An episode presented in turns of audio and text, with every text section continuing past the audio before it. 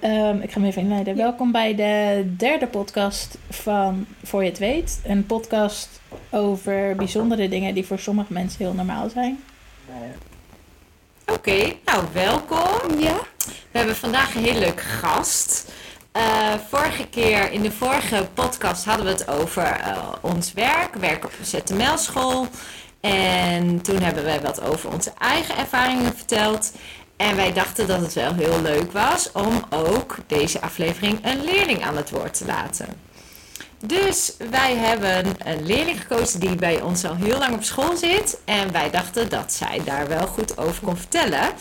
En zij gaat zichzelf even voorstellen. Welkom Judith. Hoi, Fijn dat je wil meedoen zeker. met de podcast.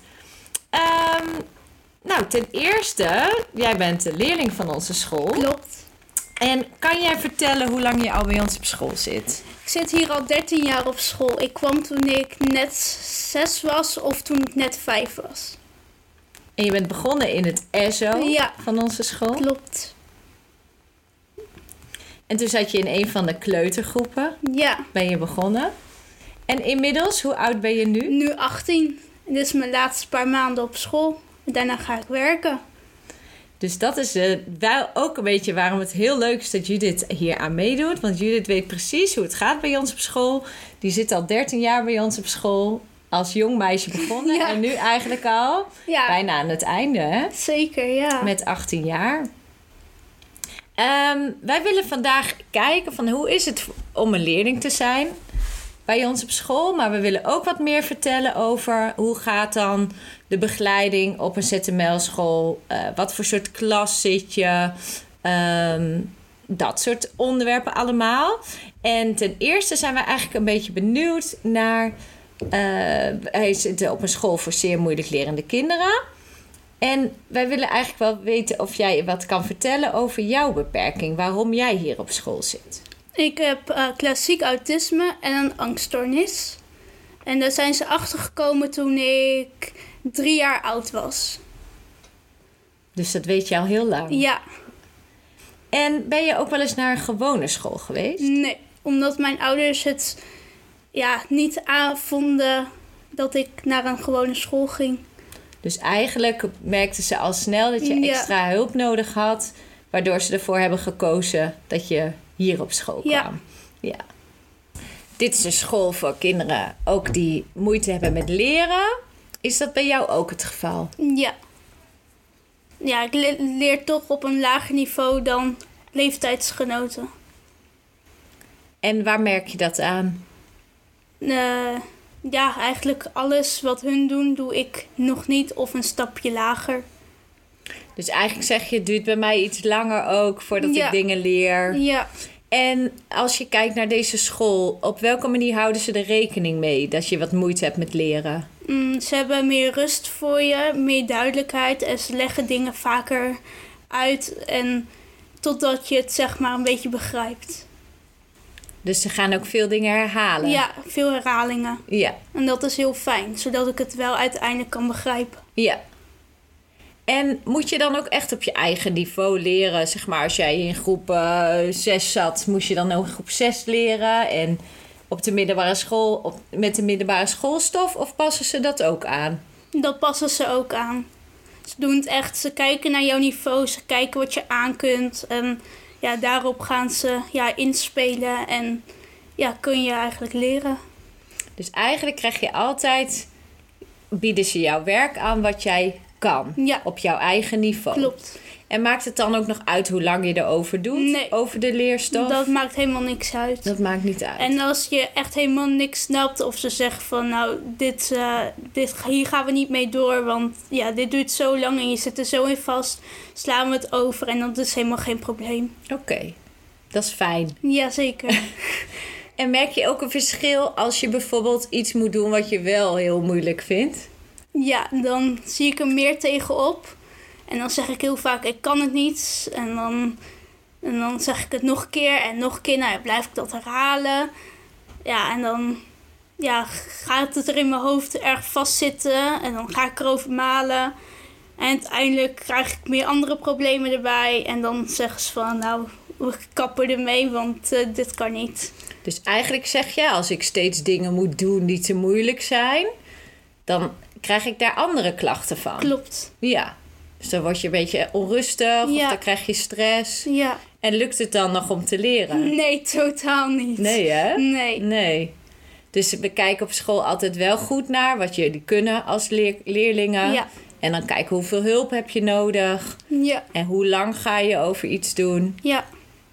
En er zit helemaal geen tijdsdruk aan en dat is heel fijn. Oké. En we hebben ook helemaal geen huiswerk, dus dat is ook heel fijn. Je kan echt na schooltijd gewoon ontspannen. Dus alles wat je moet leren doe je op school. Ja, En wat je thuis doet is gewoon je vrije tijd. ja, Ja. En in het VSO hebben we eigenlijk ook eh, kleinere klassen van 10 tot 12. En soms hebben we nog wat meer specialistische klassen, zoals de groep van jou, Susanne. Ja, En dan zijn ze met. mijn klas eh, heeft een maximum van acht.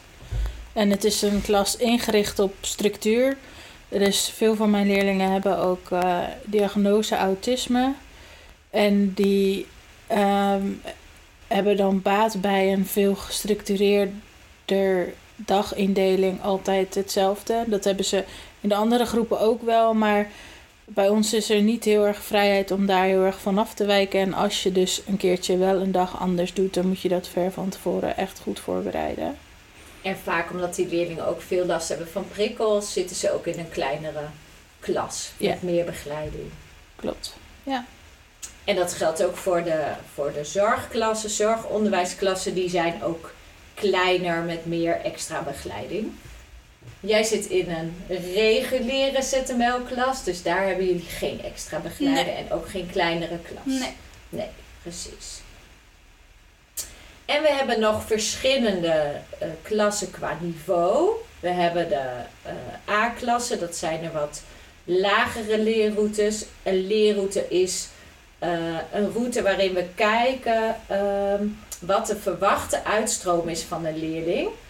Ehm, wat ze mogelijk aan kunnen binnen hun eigen profiel. Dus we kijken altijd van hè, wat is het hoogst haalbare, maar ook met hoeveel zorg of hoeveel begeleiding. En eh, als je wat lagere leerroute hebt, dan zit je in de A-klas. En dan hebben we nog de B-klasse en nog de C-klasse. En jij zit in een eind B-klas. Ja. Voor de leerlingen die uitstroomroute hebben drie of vier. En dat zijn de uitstromen richting dagbesteding of een beschutte werkplek meestal. We, wat voor soort uitstroom heb jij Judith? Kan je daar wat over vertellen? Ik ga werken op een kinderdagverblijf. Leuk. Ja, En werk je daar al lang of hoe is dat gegaan? Vanaf- Ging dat eerst via school? ehm, vanaf 14 september 2022 ben ik daar gestart. En dat is via een jobcoach van Cariander ben ik daar gekomen. Ja, het is gewoon mijn droombaan en ik kijk er erg naar uit om daar te laten mogen werken. En ben je daar zomaar gaan werken of heb je eerst stage gelopen? Ja, ik heb eerst stage gelopen eh, bij de eh, kleuterklasse van eh, de Lely, van deze school dus. En ja, dat deed me zo goed en het werk eh, ja, ging super goed. En ja, toen zijn we gaan kijken van, ja, zijn er mogelijk- mogelijkheden? Nou, eigenlijk, als je op de Lely zit, zijn er niet echt mogelijkheden om verder te kijken. Totdat eh, ja, iemand mij aansprak van, hey, misschien is dit wel wat voor jou. En ja, zo zijn we in het balletje gaan rollen. En dat is heel leuk, want je hebt natuurlijk, ze hebben eerst gekeken van binnen de school, binnen Ja. een veilige setting, of, of dat wat voor je zou zijn. Ja, hè? Werken klopt. met jongere kinderen. Ja, En toen kreeg je natuurlijk ook veel extra begeleiding. ja, En dan kan je een beetje leren, wat is het werk?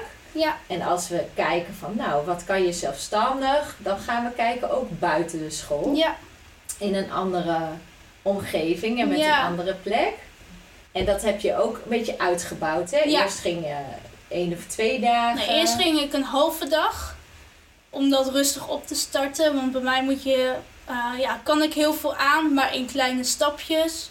En toen zijn we met één dag begonnen. En nu werk ik er twee. En dan vanaf over een paar weken ga ik er drie dagen werken. Dus in kleine stapjes ga ik er totaal vier dagen werken.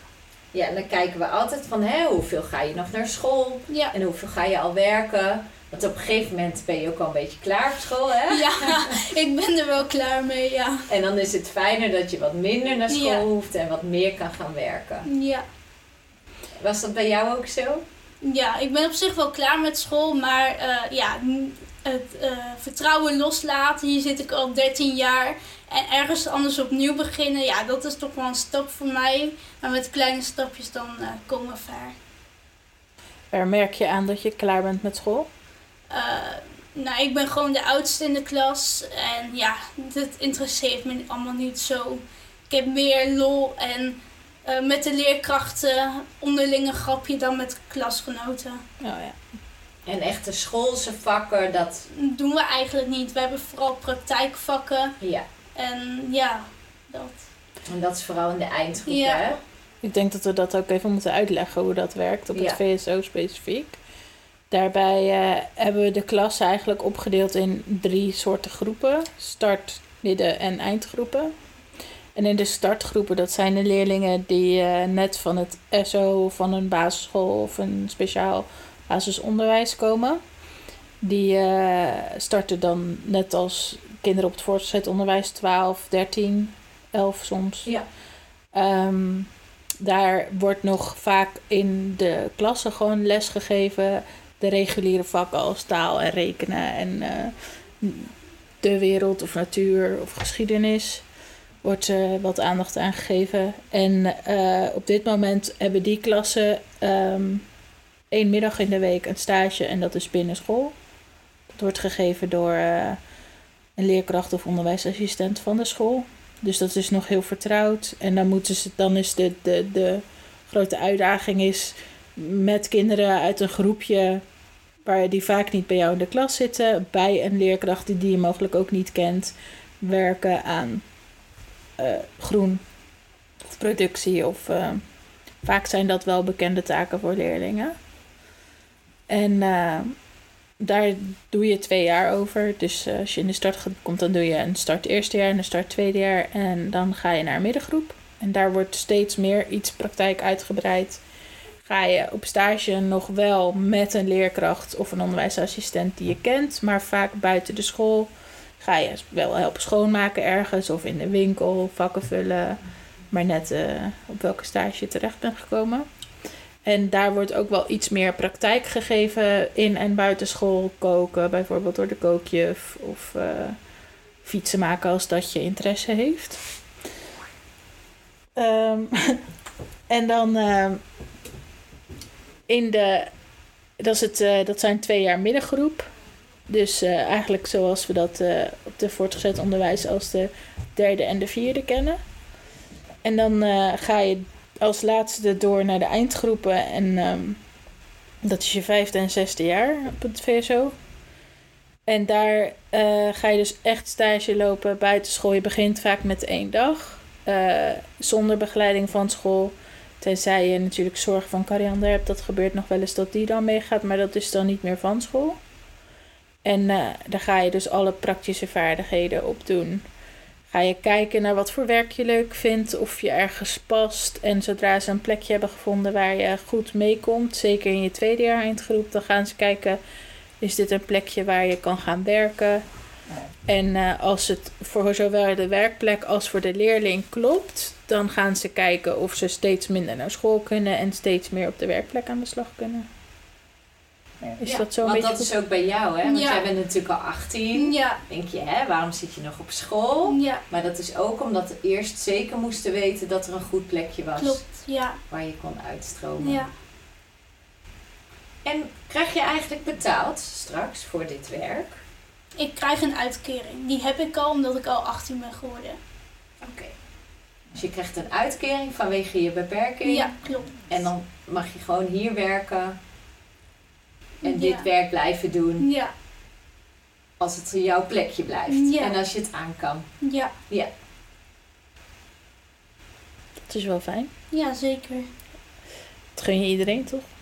En dat is ook wel denk ik heel belangrijk wat van onze school wel, waar onze school wel bekend staat, is dat we niet zomaar een leerling laten uitstromen als het een plek is waar een leerling zich niet, eh, eh, gaat ontwikkelen of het niet naar zijn zin gaat hebben. Nee. We willen wel voordat een leerling hier weggaat, en ik denk dat dat ook is waarom je uitstroomleeftijd tot 24 hebt. Dat gebeurt echt nooit. Maar het is gewoon heel belangrijk dat iemand die hier weggaat ergens gaat werken waar ze plezier hebben en waar ze gewoon lekker op hun plek zitten.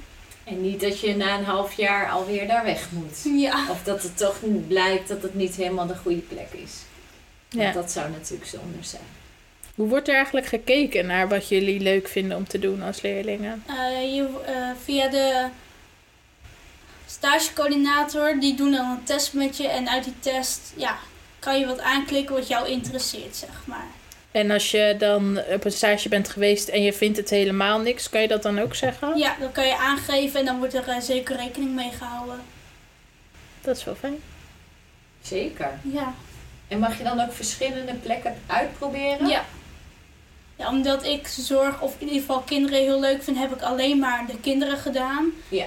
Ehm, nu, maar ik heb ook wel stage gelopen, dat was dan in de middengroepen, bij Dolfinarium bijvoorbeeld. En dan was het eh, vooral schoonmaken, eh, maar we gingen ook naar een show kijken. En ja, we gingen ook, eh, ja, van alles kon je daar zien. Dus dat was wel mooi dat je ook achter de schermen kon kijken. En heb je ook binnen school bijvoorbeeld horeca gedaan? Of Ja, bin- binnen of- school heb ik eh, horeca gedaan en textiel. Textiel, dat was ik al heel snel over uit dat dat niks voor mij was. Horeca vond ik wel leuk, maar of het mijn werkplek zou zijn, dat wist ik toen nog niet. En jij hielp natuurlijk vaak mee Ja, onder schooltijd in de jongere groepen. Ja. Eigenlijk gewoon stukje ontspanning Ja, ook. Als, zeker. Het, als het druk was in de klas, ja, mocht je lekker met de kleintjes meelopen. ja, En zo kwam je er eigenlijk ook wel achter dat je dat heel leuk vond om Ja. te doen, hè? ja. Want het is niet echt een gegeven dat je hier binnen school op zorg of op kinderen uit kan stromen. Nee. Nee, Dus wat dat betreft ben jij zo'n bijzonder ja. geval. Ja, ja, eigenlijk wel, ja, ja.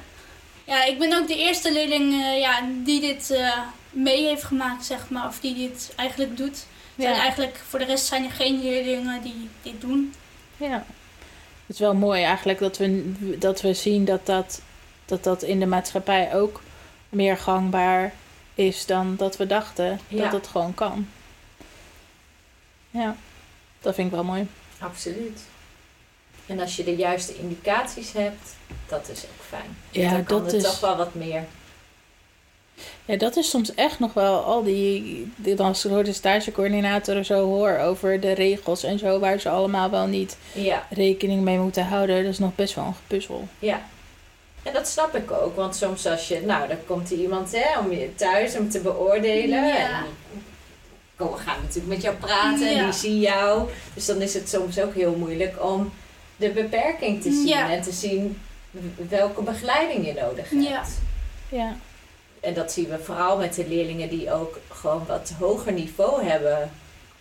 eh, qua leren of qua eh, verstandelijke mogelijkheden. Of qua leren binnen de ZML-school. Hè, die toch wat hogere leerroute hebben.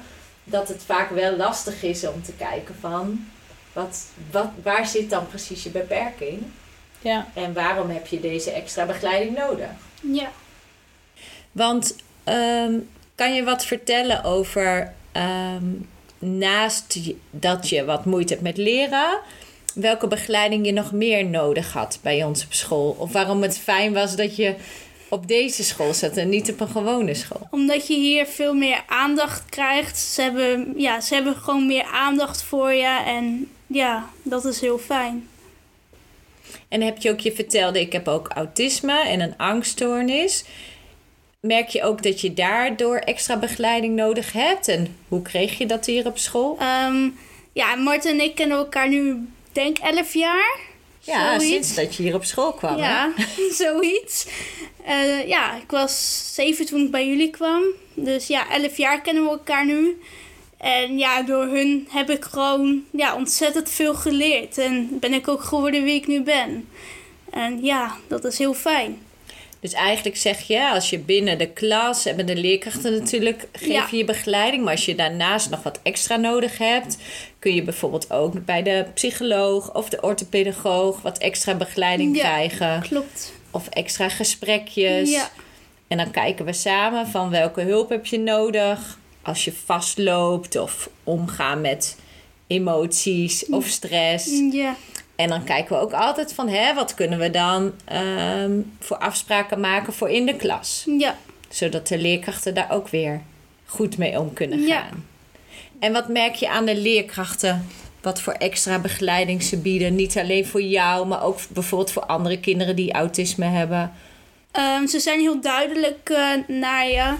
En eh, ja, je weet gewoon wat er van je wordt verwacht. In de eindgroepen zijn, zijn ze wel wat losser.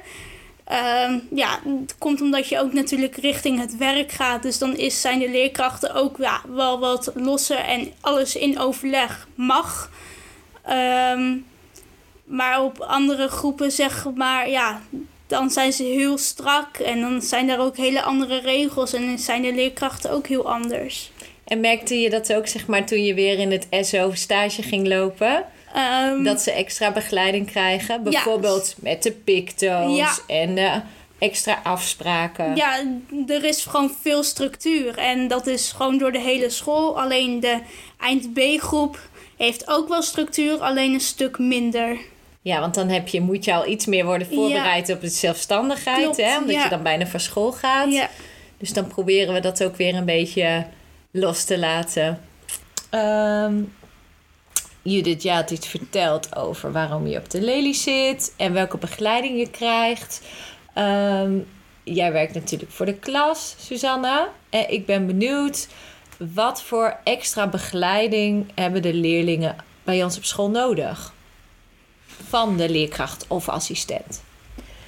Ehm, ik denk dat het heel erg belangrijk is dat leerlingen voorspelbaarheid krijgen.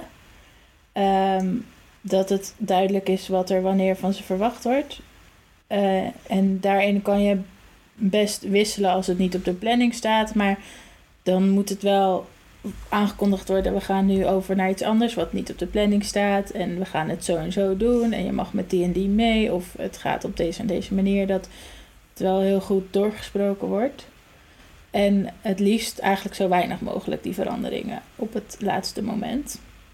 Mm, leerlingen kunnen dat prima aan eh, over het algemeen. Alleen dan heb je soms dat de klok verzet wordt of het is kerst of Sinterklaas. En dan worden kinderen onrustig, of leerlingen worden onrustig. En dan ehm, kunnen ze dat niet zo goed hebben meer.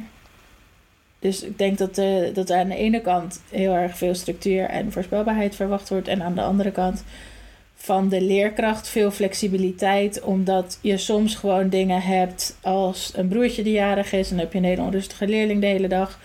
Kan die helemaal niks aan doen. Eh, maar dan wordt er wel van de leerkracht verwacht om daarop in te spelen. En iets makkelijker mee te bewegen. Of iets meer eh, zelf te bepalen voor de leerling. En niet zoveel over te laten aan de leerling. Ja, dus je moet als leerkracht heel goed kijken welke begeleiding heeft de leerling nodig op welk moment. Dus jij moet eigenlijk de stabiele factor zijn. Continu.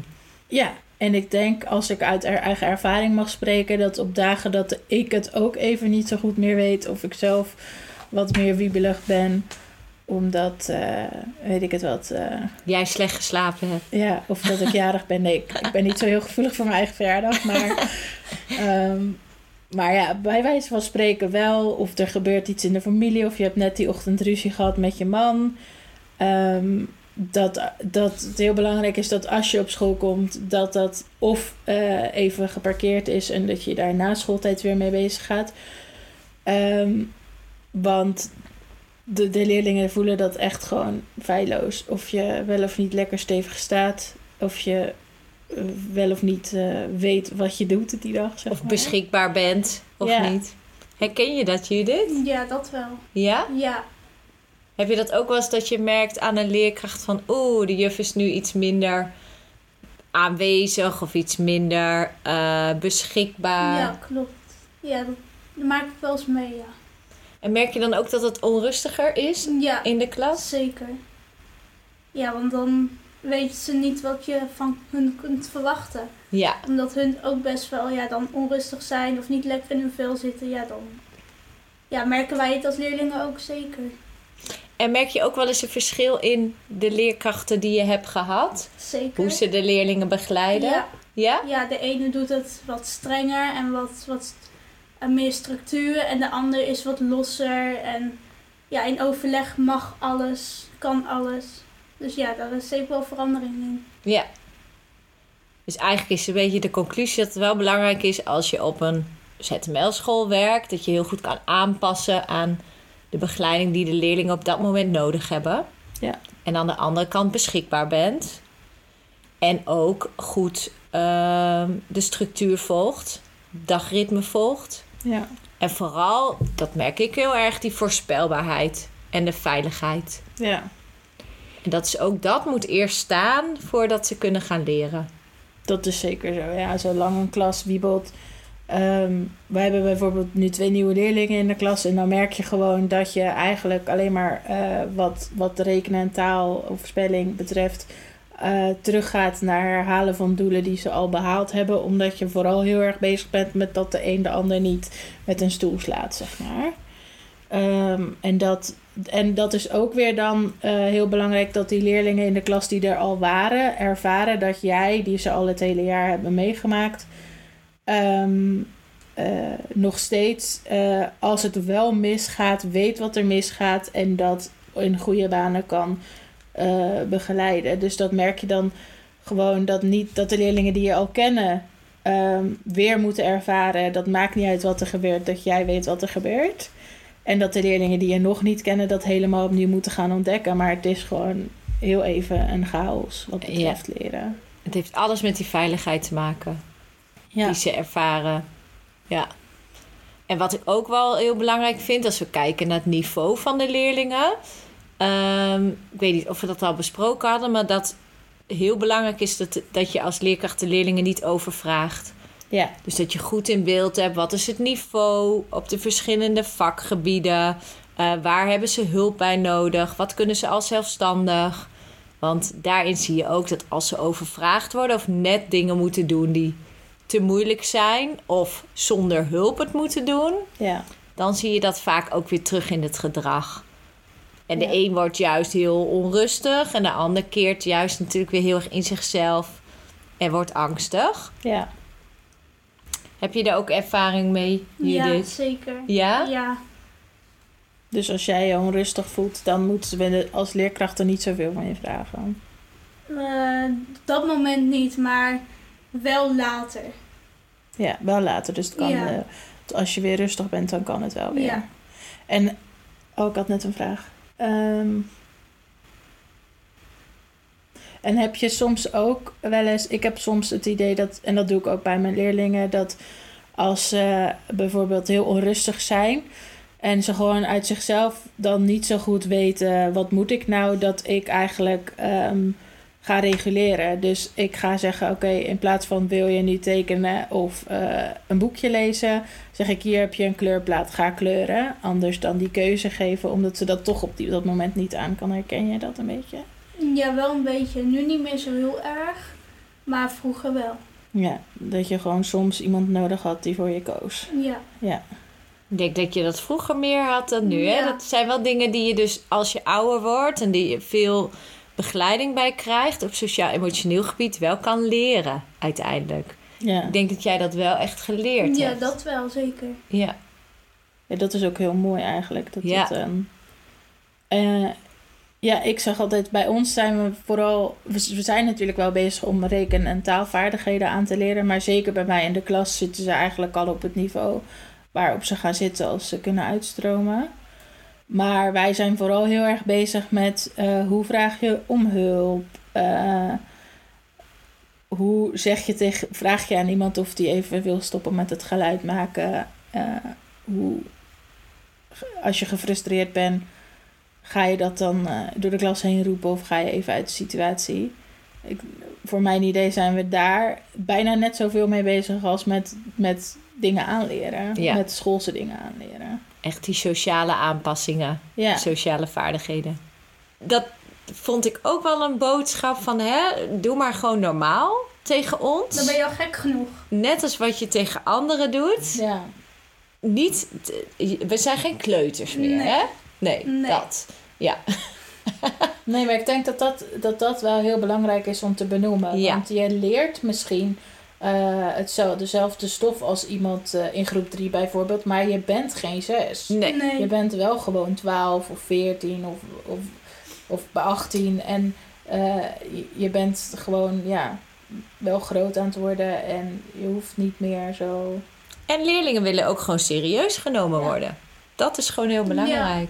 En gewoon onze mening kunnen uiten als wij ergens niet mee eens zijn. Ja. Dat is denk ik wel voor, voor hoe ouder je wordt wel steeds belangrijker. Dat je eh, ook gewoon kan zeggen, ik wil dit niet. Of ik vind, zeker bijvoorbeeld qua stage, eh, kan zeggen, ik vind dit echt geen fijne plek om te werken. En dat daar ook naar geluisterd wordt. Maar ook, eh, ik zie het nu even niet zo het nut ervan in om te leren hoe ik breuken moet gaan toepassen. Kunnen we, ik wil best rekenen, maar kunnen we niet iets anders doen waar ik wel het nut van inzie? Denk ik. Ja, wat ik ook wat, wat jij wel eens aangeeft, vind ik ook een hele mooie. Dat je ook goed naar jezelf moet kunnen kijken. Ja. Als in de communicatie en omgang met leerlingen. Dat als iets niet loopt, dat, het dan niet, dat je niet alleen moet kijken, hè, wat kan een leerling niet? Ja. Maar ook, wat kan ik zelf aanpassen de volgende keer? Ja, dat, dat vind ik wel echt heel belangrijk. Iedere keer als ik wel, ja, dat heet dan een conflict, maar dat is niet per se dat de stoelen of, weet ik het wat door de klas heen gaan. Maar als een leerling wel boos op me is of geweest is, dan is het eerste wat ik denk als ik daarover nadenk later, is eh, wat heb ik gedaan en waarom was wat ik gedaan heb op dat moment zo lastig voor die leerling. Eh, want ik heb een veel groter vermogen tot aanpassing. En mijn leerling wat minder. En dan kan ik beter gaan kijken hoe kan ik die leerling tegemoet komen dan dat ik van die leerling ineens ga verwachten om super hooggedreven volwassen dingen voor mij over te hebben. Ja, dat is gewoon niet realistisch. Ik denk dat dat voor elke leerling geldt, ook binnen het regulier onderwijs.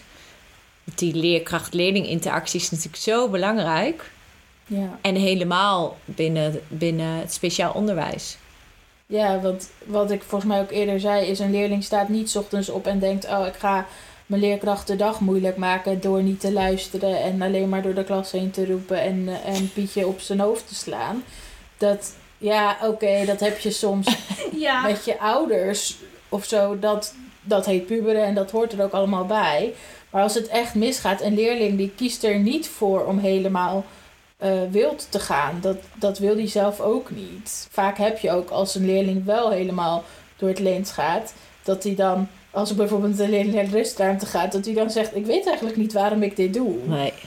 En dat is denk ik gewoon heel belangrijk om in de gaten te houden dat die leerling doet wat met jou, maar jij doet ook wat met die leerling. En zoals ik, ik heb vaak leerlingen die zeggen: Ik heb liever dat als ik geen keuze heb, dat je me een opdracht geeft. Dus doe de deur dicht en niet vragen: Wil je de deur dicht doen? Want dan kan ik nee zeggen. Dus dat die dingen heel erg goed gescheiden zijn van elkaar. En wij moeten kijken van wat zit er onder dat gedrag Ja, en dan aanpassen. Ik denk als je dat kan als leerkracht, dat je dan echt een hele goede bent voor het speciaal onderwijs. ja. Absoluut. Ja, en ook die onvoorwaardelijkheid is heel belangrijk. Dat maakt niet uit wat een leerling doet, of scheldt die helemaal verrot of is schop je tegen je schenen. Dat je twee minuten later, nadat je even tot adem bent gekomen, gewoon weer kan en kan zeggen: Weet je, eh, je gedrag is niet zo chill, maar jij als persoon vind ik echt wel leuk. Kom, we gaan het opnieuw proberen. Of hoe kunnen we dit aanpassen zodat het wel lukt? Ja. Ja. Dus het is ook nooit. Ja, het gewoon niet persoonlijk nemen, want dat is het volgens mij niet. Nee, nee, zeker niet. Het is niet omdat je iemand per se super stom vindt dat je dan heel moeilijk gaat Soms doen. wel. Soms Of wel. dat je die de hele dag gaat negeren, bijvoorbeeld. Ik ga daar niks over zeggen. Is altijd een reden voor het gedrag. Ja. Absoluut. En het kan de dag daarna weer anders zijn. Ja. Ja. Zullen we nog even die vraag van Judith doen? Ja, Judith Even had nog een afronden. mooie vraag voor Marten. Nou, ik heb een beetje veranderd. Oh, Wat heb jij van mij geleerd? dat is een leuke vraag. Ja. Ja. Ja. Ehm, nou, ten eerste, ik ken jou natuurlijk al heel lang, dus ik ben heel lang bij jou betrokken geweest, of nog steeds. En ehm, je ziet dat jij heel veel dingen hebt geleerd. Je bent zelfstandiger geworden. Je kan eh, beter voor jezelf opkomen. Je hebt beter geleerd van hè, als ik iets lastig vind, hoe kan ik dan om hulp vragen? Hoe kan je ermee omgaan? En dat is ook wel wat ik van jou heb geleerd. Dat je beter gaat kijken van hé, hey, maar waarom lukt iets niet? En waarom kan je eigenlijk op dat moment het niet aan? En uh, wat voor oplossingen kunnen we dan bedenken zodat je het wel aan kan? Dus door jou ben ik wel wat meer op onderzoek uitgegaan. van hé, hey, wat werkt en wat werkt niet. En ook dat je gedrag laat zien en dat je denkt: hé, hey, dat klopt niet, er is een reden voor. Dat ik moest zoeken naar de reden. Ja. En dat je dan toch erachter komt, hè, iets is niet duidelijk. Of iets is eigenlijk toch net iets te moeilijk. Of je krijgt te weinig begeleiding. Dus dat heb ik echt van jou geleerd. Dat, er altijd, dat je altijd goed moet kijken waarom een Ja. leerling bepaald gedrag laat zien. Nou, mooi. Dus de conclusie is, als je gedrag ziet, dan is het of te moeilijk of niet duidelijk. Ja. Of uh, hij slecht slapen. Of de leerkracht moet iets aanpassen en niet Ja. de leerling. Want je krijgt natuurlijk vaak van hè, de leerling het lukt iets niet en dit moeten ze leren of dat moeten ze leren. Maar vaak is het in mijn ogen een samenwerking. Ja. Dat je moet kijken hè, op welke manier kan de leerling het wel. En vaak, nou ja, dat was bij jou vaak zo. Als je dan net iets meer begeleiding kreeg of we hadden net iets dingetjes aangepast in de klas, dan lukte het wel. Ja, klopt. Ja. We hebben ook heel vaak leerlingen die, eh, als je twee meter van ze af zit, dat het niet lukt. En eh ernaast zitten, hoef je niks te doen, maar dan gaat het ineens wel. Ja, Nou, dat herken ik ook wel, ja. Ja, Ja, dat heb ik af en toe nog steeds, ja. ja. En wat ik heel mooi vind, jij kan, kon het heel goed vertellen, of kan het altijd goed Ja. vertellen. Ehm, maar ik denk dat bij leerlingen die het minder goed kunnen vertellen, dat het eigenlijk hetzelfde is. Dus doordat jij het kon vertellen en uitleggen, eh, kon, kon je dat bij andere leerlingen, konden we dat ook weer gaan aanpassen, die het eigenlijk niet zelf konden uitleggen. Ja. En die hebben daar ook daardoor extra hulp gekregen. Heel Dus mooi. dat is mooi, omdat Ja. jij het goed kon uitleggen, heb jij eigenlijk ook weer anderen Ja. geholpen ermee. Ja, dat is mooi. ja. Ja. Ja, heel mooi. En dat is wel heel belangrijk. Je moet van alle leerlingen leren en dat weer toepassen op de rest. Ja. Dat is wel echt mijn tip. Dat is ook mijn tip. Ja, Ja. Ja, vooral en ook willen blijven leren, denk ik. Niet denken, oké, ik weet nu alles. en dan oh, we doen eh, het altijd zo. Ja, We doen, we doen het weer op die manier. ja, elke leerling is ook anders. Absoluut. Ja. Ja, Hey, ik denk dat wij hier echt super lang nog over door kunnen praten. dat weet ik wel zeker. Mm, Maar ik denk ook dat we gezegd hebben wat we willen zeggen. Ja. Nou, Judith, superleuk dat je mee wilde Ja, doen. bedankt dat ik mee mocht doen. Bedankt dat je hier was. Ja, geen probleem. En ik denk dat we daar weer heel veel van eh, geleerd hebben. Hopelijk dat mensen het ook herkennen. Ja. Misschien wel andere leerlingen die Ja. kunnen luisteren, die daar wat van kunnen leren. En eh, ook knap dat je dat durfde te doen. Supergoed. ja, heel fijn dat je er was. Ja, geen probleem. was erg gezellig. Gelukkig. nou, bedankt.